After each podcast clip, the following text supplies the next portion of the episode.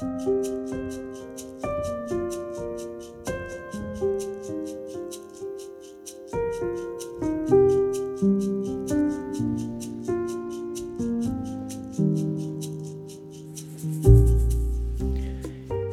lyttere. Jeg har holdt på med denne Kairos-serien nå siden jul. Og for meg har det vært å legge ut på en slags tidsreise. I alle fall en reise i begrepet tid, ut fra et behov jeg selv hadde for å utforske mitt eget forhold til tid og hvordan min tidsforståelse forholder seg til min tro. I påsken fortalte jeg om Simon fra Kyrenes Kairos-øyeblikk på vei til Golgata og korset. Jeg har tenkt å ta frem flere slike historier i Bibelen framover som jeg tror er uttrykk for det jeg kaller et Kairos-øyeblikk. Men for at du skal henge med, vil jeg oppsummere litt først hva jeg tenker på med Kairos, og det gjør jeg i form av et slags credo, en trosbekjennelse. Her kommer den. Jeg tror på Kairos. Ikke på den greske guden Kairos. Jeg tror på fenomenet Kairos, som kan oversettes den beleilige tid. Det er ikke det at jeg ikke tror på Kronos, den kronologiske klokketiden. Jeg tror på Kronos slik jeg tror på universets former og tall, på alt som kan måles og kvantifiseres, på alt som følger logiske, forutsigbare naturlover. Men jeg tror ikke bare på Kronos, jeg tror også på Kairos. Jeg tror at det som skjer i tiden ofte er mer enn bare tilfeldigheter. Slik jeg tror på en skaper som står utenfor tid og rom, slik tror jeg også at den samme skaperen lar det evige berøre det timelige. Det er disse berøringsøyeblikkene jeg kaller Kairos. Dette som mennesker rent subjektivt ofte vil beskrive som en erfaring av noe hellig eller litt magisk.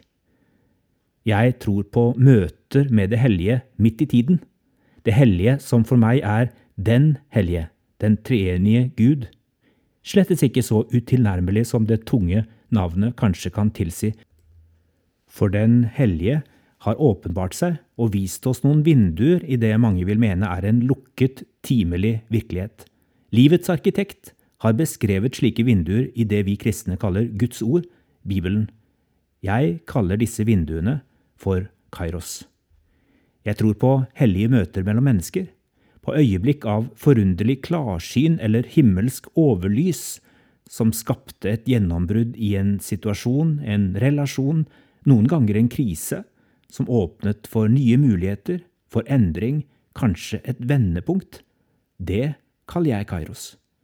Jeg tror på ord i rette tid, denne opplevelsen av at ord treffer på en helt spesiell måte inn i en bestemt situasjon, annerledes enn om de samme ordene hadde kommet like før eller rett etterpå.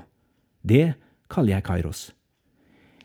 Jeg tror på hellige, ekstraordinære hendelser, som den helbredelsen legen ikke kunne forklare, bare bevitne. Det kaller jeg Kairos.